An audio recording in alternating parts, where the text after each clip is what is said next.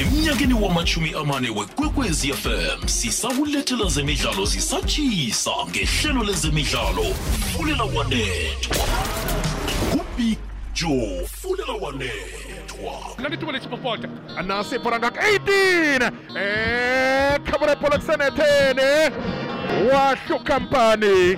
wahlu company isiqhema selapha-ke i-supersport bakhamba phambili ngo-1 not ku-orlando pirates isikhukhuni silinganisile ngu-1-1 lokhu kuchugulula-ke izinto Hi Big Joe. Kanjani? Khuluma noNezu Ladybugs. Ngithi namhlanje sengazibona ngishintsha umbala yazi ngezwe i-Kaizer Chiefs le ngiyithanda thanda. sengatshintshi umbala sengabanyamazana batshintshi umbala ungabanyamazana Sengazibona ngishintsha umbala. Yazi ngezwe i-Kaizer Chiefs le ngiyithanda thanda. sengatshintshi umbala sengabanyamazana fulela wanethwa kwekwezi fm nangambala fulela wanethwa umhajo igwegwez FM ngingupicture ngiyakwamukela ngiyakulotshisa mlaleli na uthoma kokulalela ihlelo. Siyakwamukela eh nawe hlanganyela nathi kulomndeni ungabe usachita ufike endaweni ekungiyo. Namhlanje kunengi esizokuphatha ehlelweni fulela wanethwa eh sizokukhamba ke sicheche inaga zeAfrica ezikhona lapha ke ku FIFA Women's World Cup. Sicale ezinye indaba ezikhamba phambili kezemidlalo kanti ke sizokukhuluma la eh ne tournament director ye Netball World Cup uPriscilla Masisi. Khumbula ukuthi ku Netball World Cup apha kusele nje amalangana ukuthi iphaliswano lithome kunendaba eziningi iVitality iphumile njenge sponsor iphaliswano lisabizwa ngeVitality Net Netball World Cup. Sey Netball World Cup kuphela sazi ukuthi khana abanye abasekeli bazobathatha abazakujamisela ngabo na. Eh kube nendaba ke godu iAfriforum ithi batsho kuphenywe eh batsho ku- ku- ku- kukhona ukungaphathani kuhle lapha ukubandlululana eh batsho ngokobuchaba kukhona nensolo zokuthi batsho abantu bahloriswe ngokomseme ku netball awusazi ukuthi ini yini sakhe sizizwe esikhona ukuzithola kuma uPriscilla namhlanje. Kuningi kuningi kuningi nengichema ngaphazi yaqikitla kodwa ke usewazi ke ukuthi eh sikhathi esisilawulako esikhonile ukukwenza sizokwenza. Saphelelwa sikhathi singakafiki ezinye indawo eh sesakufika ngelinye ilanga. Kodwa ke ngingakakonela isikhathi eh amaSouth Africa namhlanje sibe nemphumela ehlukileko engafaniko ngikhuluma lapha ke ephaliswaneni eh le Wimbledon khumbule sinama South Africa adlalako lapha. Eh ngehlangothini lamadoda umSouth Africa uDonald Rampai eh nepartner yakhe uAndy Lapthorn walapha eEngland baphumileke eh ku quad wheelchair doubles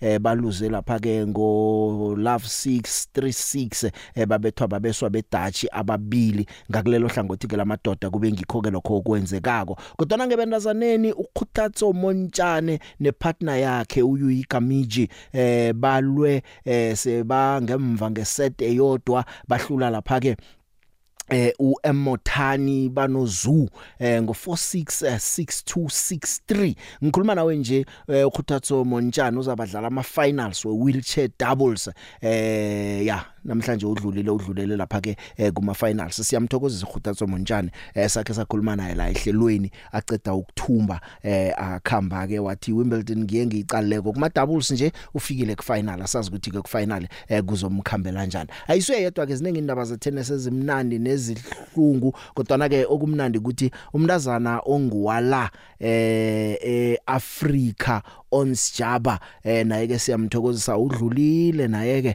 eh ubethe lapha ke ikutana evikela unongorwana uElena Rabekina kuma quarter final. uRabekina lo wabetha uonsjaba lo kuma finals unyaka opheleleko nje ujaba nanguzibuyisela kodwa jama ngiyokuthengisa nangibuyako eh sizicheje zetennis ezi eh, bese ke siyadlula kizo sicala nezinye zika Caster Siminya amaloya ayakhuluma na ukuthi yong indaba le noma ke athumbile lapha eappeal kungathatha eminye iminyaka ngaphambi kokuthi World Athletics ichugulule umthetho abawubekile kulo li-hour lezemidlalo kukwekwezi fm no big joe. Ukuhlanganiswa kwenqhema indaba ezitshisako abadlali umbango webhigiri isunduzwano lobujamo beligi. Fulela wanethwa kukwekwezi fm emnyakeni wamachumi amane wekwekwezi fm sisakulethela zemidlalo zisatshisa ngehlelo lezemidlalo fulela wanethwa. Ya asirageke mlaleli. Eh ngibone la ku tennis osebujameni besibili ephasini uArena Sabalenka eh naye kodlulele kuma semifinals namhlanje ama semifinals la wadlala namhlanje ubethe lapha uyokudlala lapha ke ubethe uMedicine Kiko kwakho.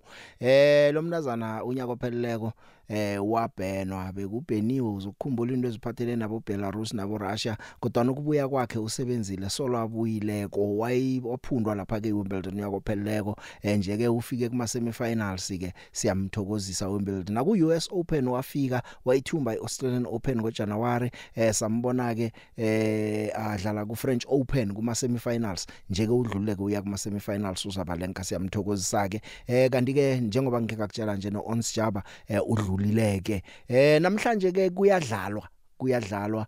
Eh nangicalako namhlanje eh ngamanye goduma semifinal kokwakho eh uSvitolina uUkraine udlala lapha ke eh Novondrosova. Eh uEns Jabalo udlala noSabalenka midlalo ekhona ke namhlanje ama semifinals ngehlangothini eh labendazana lapha ku Wimbledon kanike ngemadodeni eh nakhona kumbanyana. Kumbanyana eh ziyabuya ke ngapho. Eh umswanangu u Carlos Alcaraz. Mncane banabo 20 Alcaraz ubethe omunye umsana naye ona 20 njengaye uHolger Rune. Njeke uyokudlala ama semifinals weWimbledon kokthoma eh, uyokudlala lapha ke no Daniel Medvedev. Eh, siza kubona ukuthi badlala kanjani ke uAlcaraz ubethe uHolger Rune eh bana 20 bobabili. 20 years sebafike lapha ke kubo quarter finals beWimbledon ngo7666464 eh uRune kodwa ubonakele ngasuthi uhlangahlangene nje eh, naseziya lapha ke ngekupheleni uRun nasekuyokuphela umdlalo lo. Uyaveza ke ukuthi nokho bekangazizwa kuhle batho ke nakudlala umdlalo lo uRun esakuzwa ngaye ukuthi bekwenzekani. Kodwa na ke uCarlos Alcaraz yena ke uthena kaceda ukuthumba lapho kwaba nento ekumela ayiphendule. Uyise uyise uCarlos. Batsho ukhamba tsatsela uNovak Djokovic nakazibandulako amrecord amrecord ngoba kunekhonakala ukuthi bokudlala noNovak Djokovic eh kuma finals kodwa nasithome ku Rune sizwe ukuthi bekahlanga hlanganiswe yini? Of course a little bit disappointed. Um I didn't feel the best um in today's match. Um but I dis- did my best not to disappoint the crowd. I I tried to fight until the end.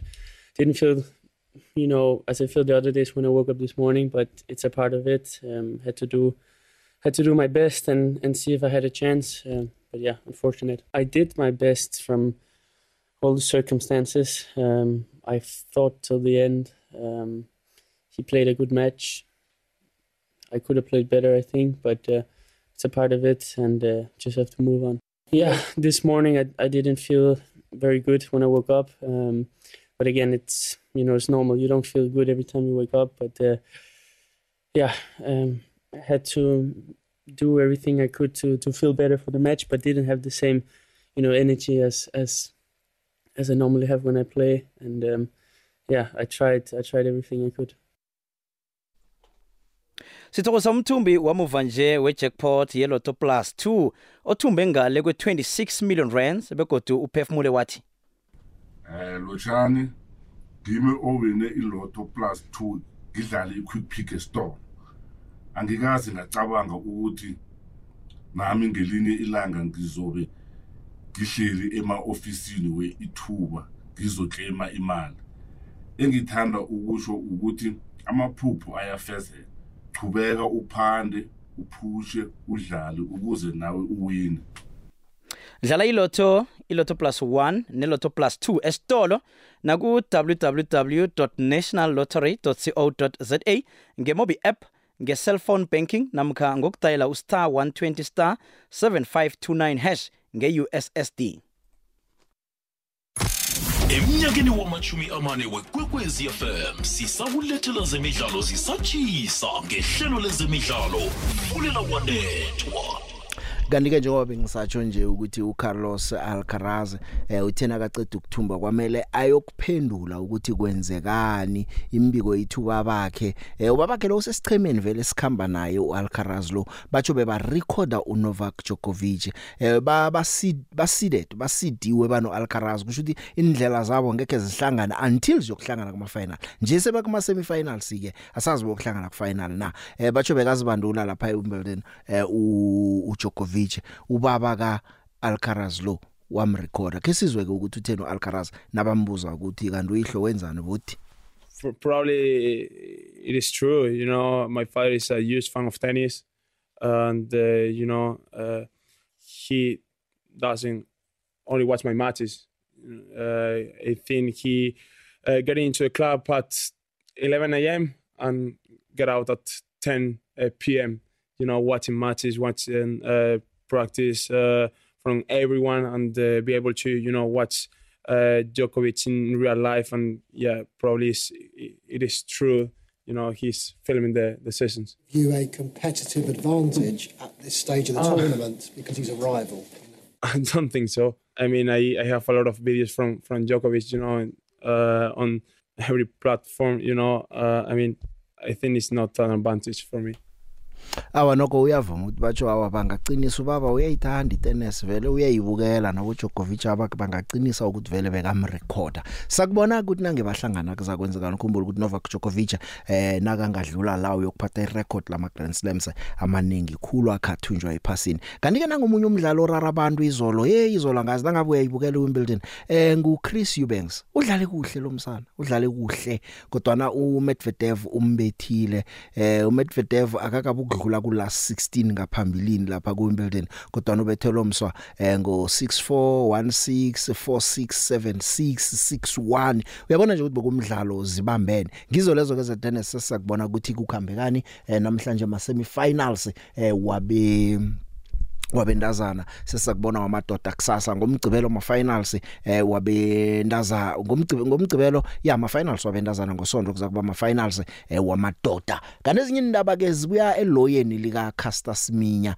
uthi udanile ngendlela iWorld Athletics eh iphendule ngakhona. uCaster nakaceda ukuthumba lapha ku European Court of Human Rights eh ngolosibili eh iWorld Athletics eh ithi bacho izoku khuluma nombuso weSwitzerland ukuthi uaphile isicundo lesi se-European Court for Human Rights. Eh manje ke isicundo lesabasithethe ukuthi bekabandlululwa uCaster nokho asikasusi umthetho weWorld Athletics layer. Awukasuki kodwa na uvule indlela yokuthi kungabuya kubuyekezwe ukuthi umthetho lo awusuke. Mhlawumnye imlando lo ungabuyela kodwa ku Court of Arbitration for Sport. Eh kodwa na ke asazi ukuthi yokukhambekani jama ngiyokuthengisa nangibuya ko ngiliphethe igcwetha laka Caster Siminya eh uSkona Jolly KC li awale zemidlalo kukwekwezi FM no Big Joe I honestly can't speak for what World Athletics are doing or saying. I've obviously seen their dis- their statement. It's uh, disappointing. The the truth is, this is about empowering athletes. It's about empowering sports people, and one might hope that sporting bodies and organisations would get behind that. This is a landmark win, obviously for Castor, but for athletes more widely. And the reason for that is because until now, athletes operated, and sporting people more generally, in a sort of human rights vacuum. It was in the gift of uh, uh, sports federations and organisations like World Athletics to say, well, we decide if human rights may or may not apply to you. It's up to us. But meanwhile, athletes like Castor and sports people more generally are often tied into a contract with their professional sports body. Uh, that contract has to be that contract is entirely on the terms of the professional sporting body. And if the athlete or other sportsperson wants to challenge those terms, they are limited to do so in an incredibly constrained way. They have to go, uh, in this case, to the Court of Arbitration for Sport. And beyond that, there is a very limited remit to the Swiss Federal Tribunal. Castor said, you have to consider things in, in much more detail. The evidence doesn't all go one way, the science doesn't all go one way. You have to think about the fact that I'm a woman, I've always been a woman. I've been legally recognised as a woman and I have run as a woman. You need to think about all of these factors. Uh, you need to think about the intrusion on my private life. You need to think about the fact that uh, what you're requiring to, you, me to do is an attack on my physical and my mental integrity.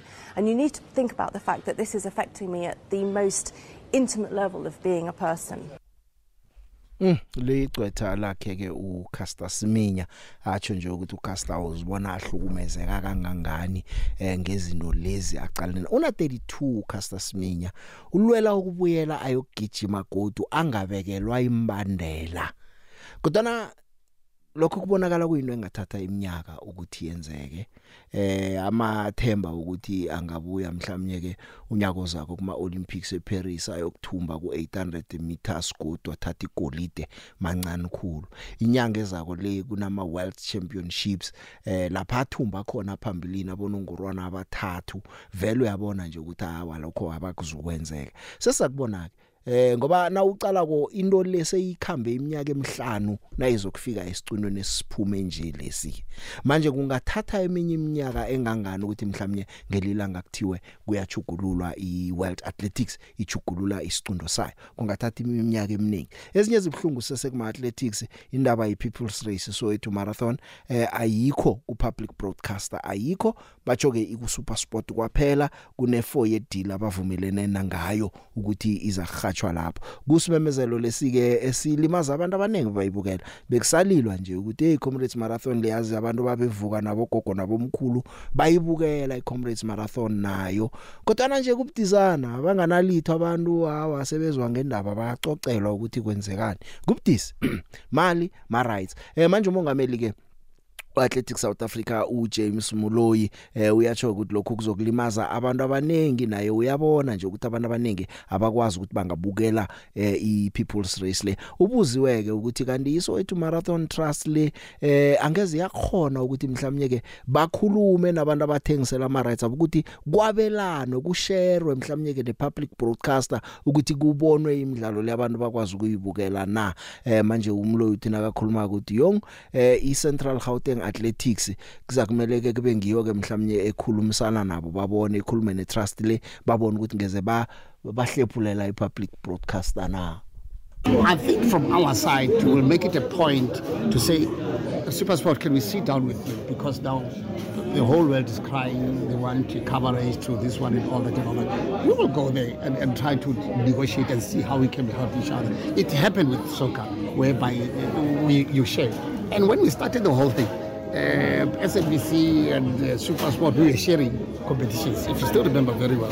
So now, at, at the present moment, we said, let's respect the space of Supersport. But if people are coming to us in writing to say, please, we need your intervention in terms of this, and then can you go back and speak to Supersport and all that because we've got a contract with them, we will try to see how we can intervene and try to have the situation. But at the present moment, we don't want people to go public and say, no, no, no, we, we want this and all that. It can't be like that. We need people to come and approach us and tell us, approach us, to tell us, we need your intervention, we need your help in terms of this. How can we help the situation? You understand? It's a total different language. And then we can say, okay, fine, let's go back to whoever that we sign with and then and try to negotiate and come up with the solution and so that everybody can be happy. That's what we understand.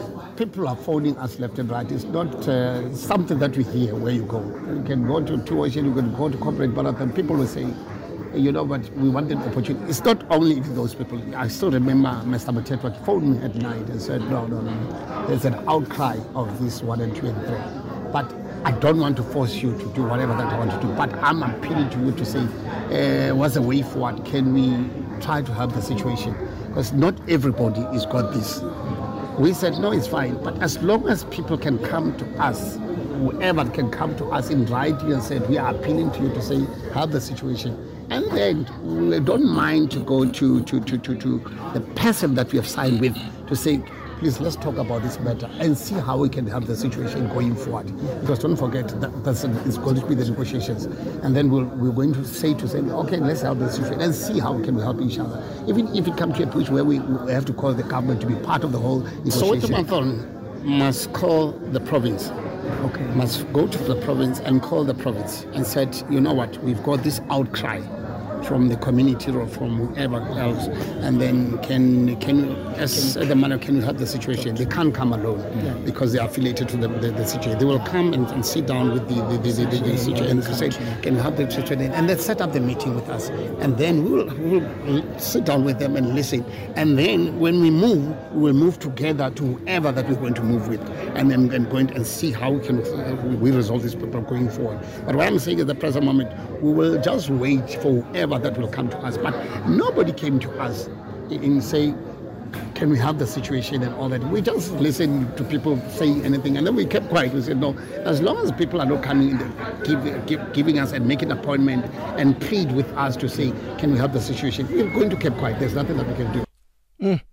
Ya izindaba ezibhlungu ke lezi ngehlangothini lezogijima eh nabathandi nje abathandako ukubukela eh ama marathons eTV.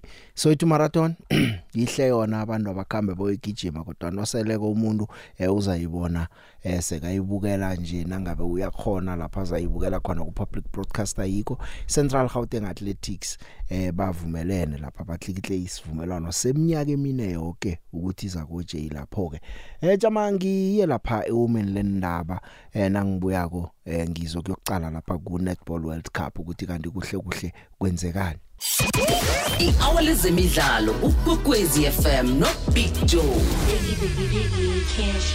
Isimbi yesihlanu itsho ukuthoma kwe-iri lezemidlalo ukwekwezi fm no big joe. Kukhanya ba. Ya nangambala kukhanya ba esayaluka lapha eh ngisamfuna uPriscilla Masisi. Nokho besizwene ukuthi sizokucoca asithembe ukuthi sizamthola ke sikwazi ukuzicoca zonke indaba ezi. Kodwa ke indaba ezikhona ke ezingichema ziyahlikihla ngapha nangapha eh Stellenbosch Oscarin Masuluke eh sebamhlikihlile emdlali waso eh iStellenbosch akunamuntu ongamaziko Oscarin Masuluke sonke sizomkhumbula ngegondela Calveta elihle lamthatha la le kumaphuskas iStellenbosch eh noThabo Mloyisa abasane bamhlikihlile free transfer beka ku Maritzburg United isizini epheleleko eh ngikhuluma la ngeStellenbosch Mamelodi Sundowns neSuperSport United ichepswano labo liyaraga ke nje. Awu bavumelene ngoThapelo Maseko. Sekuza kumele uThapelo Maseko ayokuvunjululwa eClorocopo siza kuzonge beClorocopo ukuthi bamvumbulula nini khumbula uThapelo Maseko kwakusolo kuthiwa ukhane Belgium bamfuna. Isicema seWestelo senza ama offer amathathu SuperSport yawala wokama offer lawo. Bathi bazamthatha kuma trials eEngland. Kenge kwenzeke lokho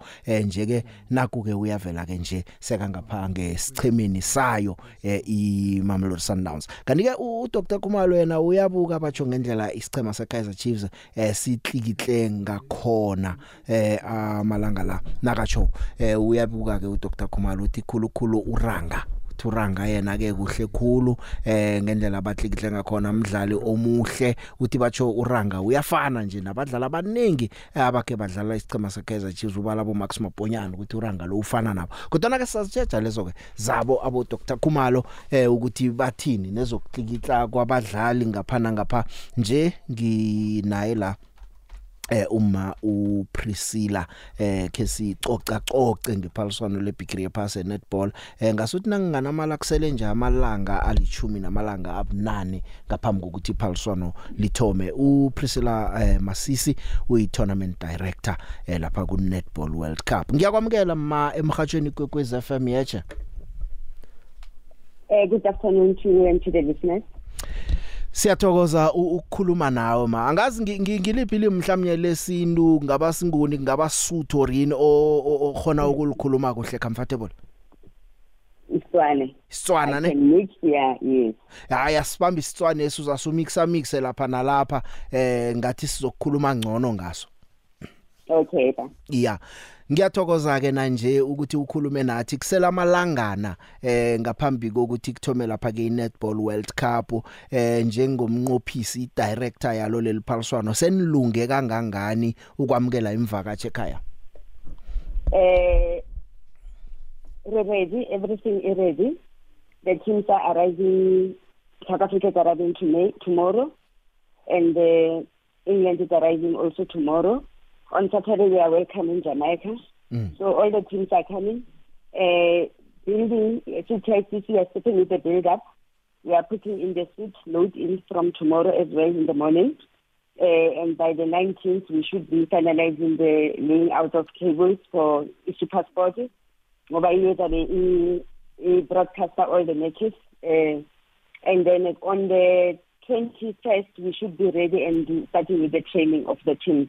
And with the, then we will start doing uh, walkabout with the, with, the, with, the, with the other members so that they can do. But the, by the 21st, the venue will be complete and we'll be starting with training. Aha ke eh nokho kuyabonakala ukuthi yonke into ikhamba kuhle. Ezingasimnandi ke indaba ngilezi ke zokuthi eh abanye babasekeli ama sponsors eh angithomela nge Vitality eh iphumile inchile eh njengama main sponsors ngoba iPulsar Nobel ibizwa lapha ke nge Vitality Netball World Cup nje kujamile. Ungakhe nje usibeke emkhanyweni ukuthi basichiya ngamalanga okugcina kangaka kukhambeni nokuthi mhlawumnye amahlelo okubajamiselela senibatholile abanye abasekeli abangavali isikhala? Eh, re na le di-sponsor tse dingwe tse re di- tse re tlo di itsise mo matsatsing a a- few maybe before the world cup starts in the next five days. Uh, the discovery vitality it was an agreement that we reached with uh, with uh, with uh, world netball that will maybe let's allow them to focus on the team because as you are aware they are supporting the proteas and also uh, england. So they are still involved, but they are involved only with the support of the teams because of the, if you look at the recession, uh, there are financial difficulties that everyone is suffering. So hence we did that. kodwana njengama title sponsors nje vele angazi ukuthi ngithina ngicabanga ukuthi kungaba into abayibone njengama last minutes ukuthi mhlamba sisakhoni eh ngoba kade ikhulunyiswa iWorld Cup kade bakhona njengama sponsors eh on the 11th hour ba- basilisa ama financial implications anjani kini njengabahleli bephaliswano ukuchiwa ngoba nje ukuthi ba- bakhambeleni kuhle kuhle angabe ukuzwisisa mina Uh, financially, we are stable because we did get another sponsor. Uh, like I'm saying, we're going to, to announce five more sponsors just now before the, the, the World Cup begins.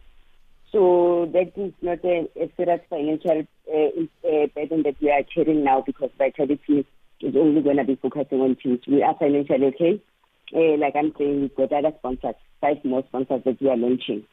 yani ni okay kodwa se- sengicale nje into yokuthi ukureplace ama billboards ama promotional material ilogo nama match balls ngiyacabanga ukuthi bowanayo uvitality sekumele kuchugulukwe konke lokho akuna inconvenience of some sort No, no, we already have everything in plan to address all those uh, uh, merchandise that was already done. We've also agreed with Vitality that uh, the merchandise that was produced that has the logo, some of them we can't do anything. They will have to remain because also, like I'm saying, uh, Vitality is still a, a part of the event. They are sponsoring uh, England, the Roses here.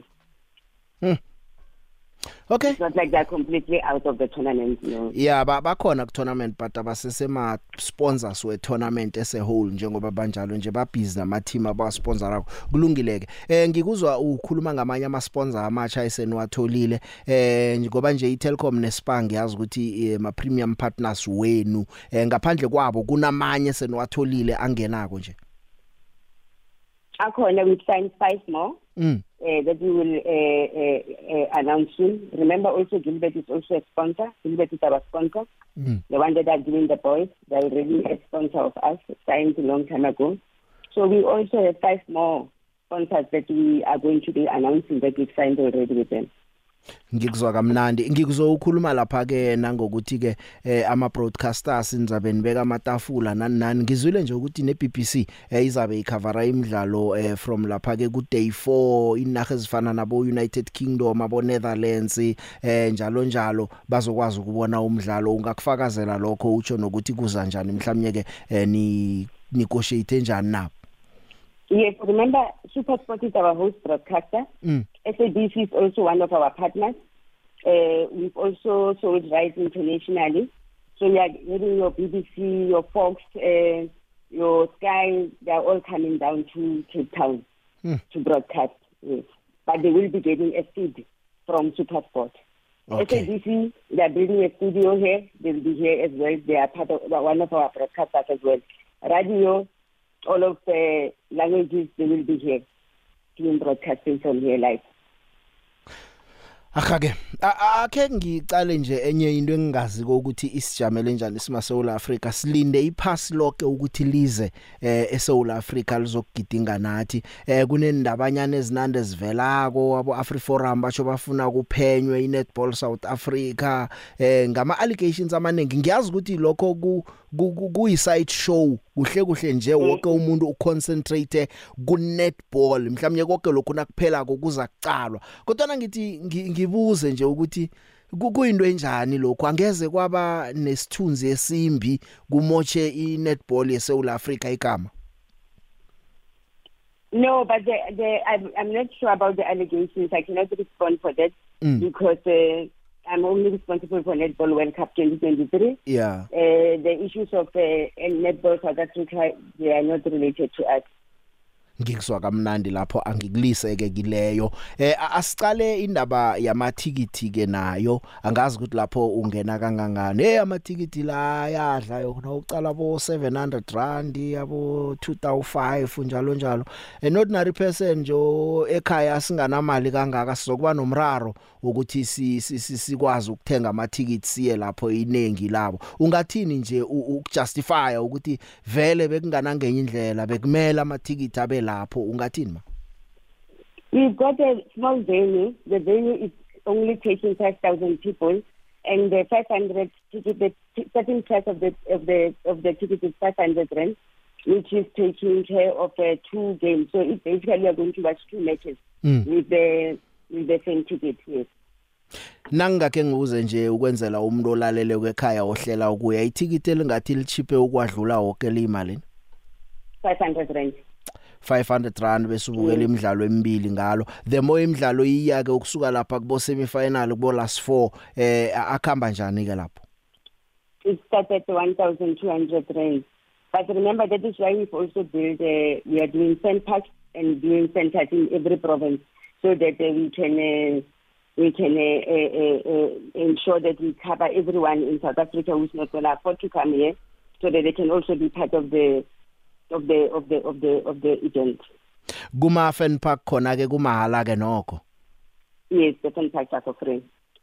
Mangi ngithokoze khulu okuhle kodwa. Nakukhona okhunye sikuhloga kona ngelila ngasizakubuya kuwe sikhulume ngayo iNetball World Cup. Eh sima South Africa siyilindile. Yes yes. Ahake ngithokozile. Ngu Priscilla Masisi ya ukhona lapha ke ku director. Eh tournament director eNetball World Cup. Eh indaba zinengi ke kodwa ke na ungathi uyiqalisisa kuhle into le eh abantu okunengi okhu sesifaka ama ohlap so ukuthi nedi kuhambe kuhle ibigiri yephasi le iza kuthinga phela ngicabanga ukuthi kunenge sizokuzwa ngoba angikholwa ukuthi ama sponsors ngalesi sikhathi kusela amalangana ayi18 bese kuthiwa isponsor the main sponsor silisile. Silisa njalo sisala esichemeni khona ngaphakathi kwalo but abasasponsor tournament yonke ukuthi kuba yini? Asazi. Ngikho ngithi ezinye zezinto mhlawumnye sizakhamba zivela ngemva kwalo iphaliswano leli. Eh indaba yamathikiti yona ke hey madoda uthina sichonile eSouth Africa sibabantu. Eh ngicabanga ukuthi ababuya ngaphandle abaka abaphethe aboponde lapho na baphethe lapha namadola nani nani. Kibo kuyokubalula ukuthenga itikiti le 3000 bokubukela netball kuyokubalula ukuthenga itikiti le 1000 thina madoda 500 rand. iWorld Cup yona cakathekile vele izinto ziningi. Hey kodwa nakubudisana man. Kusho ukuthi nase ziyale phezulu siyokusala siyogcwala ema fan parks ma South Africa lapha ekudlala khona apha ngahle kugcwala abantu bangaphandle abakhone ukuzowathenga lula amathikiti la ngoba eh nge currency emakhabo nabafika ekhaya imadlana encane leyo bakhona ukwathenga ezinye ke indaba esizazichecha nazo mhlawumnye ngemva kwePulsar Lab hey AfriForum it bacha kuphenywe iNetball South Africa bacho kunemhlobo eminye ama races wabantu eh bacho atargetweko akhuluma lapha ngendaba yabo sexual assault mvekana ngaphambi kwePulsar Lab career pass eh nasifikile ke iAfriForum ithi akuphenywe. Uzibuze ukuthi hayi madoda eh kukhambekani la kukhambekani la. Sisilia nguye umongameli wayo iNetball South Africa eh mhlawumnye ke kwesinye isikhathi uza kuvela naye akhulume ngoba kwanje bathi madoda kenjame man sicale ibigiri yephasi ezokudlala into ezinye ezi- ma side shows siza kubonakala mhlawumnye nasekufike isikhathi esilungileko. Okuzizinto vele ezingathi nazingakhamba zihlezi khulunywa zibe zishonele nomnyanyakazo omkhulu eh, oza la eSouth Africa emnyakeni wamachumi amane wekwekwezi fm sisakulethela zemidlalo zisatshisa ngehlelo lezemidlalo fulela wanethwa ukuhlanganiswa kwenqhema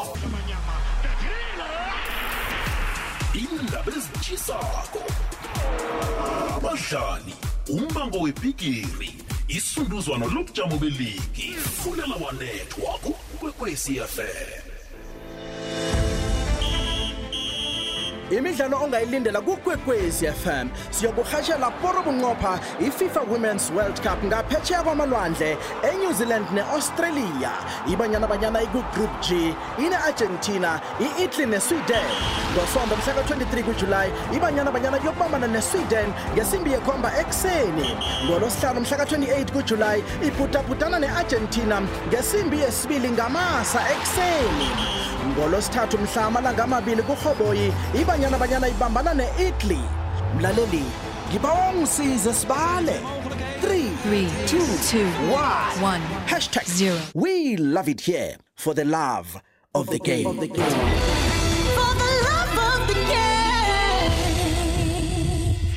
This is Dr. Nokufa Magai of Mamelodi Sundowns Ladies. There's seven days left before the kickoff of the FIFA Women's World Cup 2023. The next round, we'll be there. Catch all the updates live on Fulela Wanetwa with Big Joe on Ikwekwezi FM. We will be there. We'll be there. Good luck to Banyana Banyana. Ake ngithi msinyazana nje ngikutshele-ke njengoba sibhincela i-netball world cup eh inaga zikhambile nje. Eh ngicala nje inaga ze-Afrika eh iSouth Africa. eSouth Africa eh siyazi ke ukuthi kokthoma thomi ibe zinkutani ze-Afrika. Eh nje iyokudlala iphaliswano lesibili lebigiri yephasi. Khani siyokuthola iwin yokthoma na? Khani siza kufika kuma knockout stages na? Mibuzo leyo sizibuza wona. Khumbula ukuthi lapha kuAfcon iSouth Africa kuAfcon yathumba imidlalo esithandathu yonke abayidlalako. Balithumba iphaliswano kokthoma kokthoma eh iSouth Africa. Eh na ucala kwemzombeni yokukhiphana kwangena nje igondelo elilodwa ngakithi nasisakuthumba lapha ke iWAFCON nukumatlow ngomunye wabadlali lapha emva esithembele kuye oleboda. Oliboda eh na uchecha konje uDisrael Sumbanduli bekajugulula ama formation kube yi4411 kube yi4231 eh njalo njalo. Okuyinto bobona ukuthi abothembi khatlana nabo Jemin Soposingwe eh iyabasebenzela. Hayi ke sizakubona ukuthi kuyokukhamba njani. Sizokubona ukuthi kuyokukhamba njani eh kilelo phaliswano njengoba ke eh, sisiya khona nje siyokudlala nabo Sweden Italy neArgentina. Phaliswaneni lebigiri yephasi yokthoma kwababudisi khulu. Eh abo Germany China Spain izinaga esadlala nazo lapha sabhalwa khona na kuthumba nomdlalo nowodwa. Nje ke eh yiSweden Italy Argentina eh nezinye ke ezikhona sengisabala nje ezikuma group stages esicalene nazo. Mhlawumnye ke South Africa izakwenza. Ku group G South Africa eh ngen23 sidlala lapha ke neSweden ngen27 sidlala neArgentina eh bese ngen2 ka August sidlala neItaly. Eh ngikho lokho ke sicalile kanabanye abakhona beAfrica iMorocco iMorocco inaga yokthoma yama Arab ukuthi benesicema sabendazana esidlala lapha ke iphaliswano lebigiri yephasi. Eh ngelokthoma thomi bathoma ke ukuya eh laba be Morocco siyabathokozisa nabo kodwa ke sibaboneke nalapha ku AFCON eh ukuthi badlale kuhle kangangani eh bakhumula babetha lapha ke uTswana kuma quarter finals babuya babetha iNigeria kuma semi finals babetshwa yiSouth Africa kuma finals ngo 2-1 ngemva kokuthi badlale kuhle basebenze kuhle eh laba be Morocco njeke ke eh kubudisi solo kwalokho ke bathola nombando lomutsha nguRenald Petros eh uPetros eh udlala ubadlalisa kuhle na uthi uyajeja ngendlela yenza ngakhona. Wabaphatha lapha ke ngoNovember ka2020 solo kwalokho isichema ke izinga likhuphukile likhuphukile. Eh na ucala konke nje eh kuma group stages we wafcon babetha 9 goals ngakibo kwangena eh mahlanu. Nje ke baku group H lapha ePaulson lePigree Pass bokudlala neGermany. Ngomhla ka24 kuJuly ngen30 badlala lapha ke neKorea Republic ngen3 ka August badlala neColombia. Ngikhuluma la ngeMorocco. Enye inaga yeAfrica ikhona lapha eNigeria iNigeria ke ine record elihle lokuzikhakhazisa ukuthi wonke amaphaliswano we Women's World Cup bawadlalile kanti bafike kuma knockout stages kabili eh eUSA ngo1999 eh babetha iKorea DPR babetha neDenmark kodwa baloba kabhlungu man ngegolden rule babetshwa iBrazil kuma quarter finals njeke ke eh, balapha ke ku group B nge21 zika July badlala lapha ke neCanada eh, nge27 badlala neAustralia bese nge31 badlala neRepublic of Ireland. Nigeria eh phaliswano lePigree phasi indo zonke zibakhambela kuhle khulu ngoba ngibe inaga yokthoma yokudlala iPigree phasi eh isicheme saloba kokthoma iPigree phasi ngibo babetshwa iNorway ngo8 not ngo1995 eh igondelo lokthoma leAfrica ku Women's World Cup labethwa ngibo iNigeria ngo1995 nabadlala u33 neCanada. Ngurita Nwadike owabetha igondelo lokthoma leAfrica ku women's netball. Eh manje uyabona ukuthi bakhamba banomlando omuhle lapha. Siza kubona ukuthi bawuraga kanjani enye inaga iZambia iZambia nje ukuthi qualify le history ngakibo the Copper Queens. Ya eAfrica apho uyababona ukuthi bayakhula kancane kancane bayakhula kancane kancane. Bayakhombisa ukuthi bazimisele. Njeke bafikile ke kokthoma ephaliswaneni leBigree yephasi eh umbanduli nguBruce Mwape. Eh phambili lapha ukhona uBarbara Banda mntazana ocalwe khulu owabethako amagondelo. Emidlalweni emithathu wabetha amagondelo alikhomba kuma Olympics ngo2021 ngazi ukuthi usamkhumbulana. Njeke uthola ithuba lokuthi ayozikhombisa ukuthi ku World Cup angenzani. uBarbara Banda baku group C. Nge22 July badlala neJapan eh badlala ngo7 eh bese ke nge26 badlala neSpain ngo half past 7 zinkathi zakhona lapha bese ke eh nge31 badlala neCosta Rica khona lapha eWaikato Stadium. Ngizo inaga lezi ezijamele iAfrica eh ku Women's Football World Cup iSouth Africa ngithi ke labo eh bese ke kuba lapha ke yiMorocco kube yiNigeria kube yiZambia. Eh bijo nangisenza sezakane awuthi ngisike elijikayo lapho zangixolela ngomsindo kwi background eh uyabona kubalekile ukuthi uma nifuna ukwenza into Big Joe nikwenze lokho abathi petition eh nibuze kuqala nifuna ukuzwa ama public views ukuthi athini. Ayavumelana nani ukuthi nenze le nto leyo noma cha?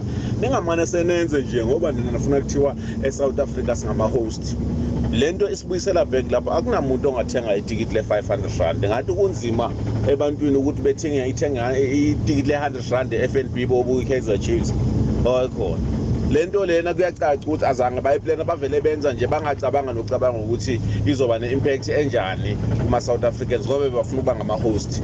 Ngathi nalo mdlalo we-netball lona singakawujwayelanga kangako kodwa nje sesiyokhiphana namalenda ama-500 awo kahleni bafethu? Danko big john hello the big. Ninjani the big? Khuluma nosamuel eh the big. Ya lapha esichemeni se-kaizer chiefs asanabo. Ngesikhathi isichema se-kaizer chiefs sagcina ukudlala kuhle senabo mandla masango.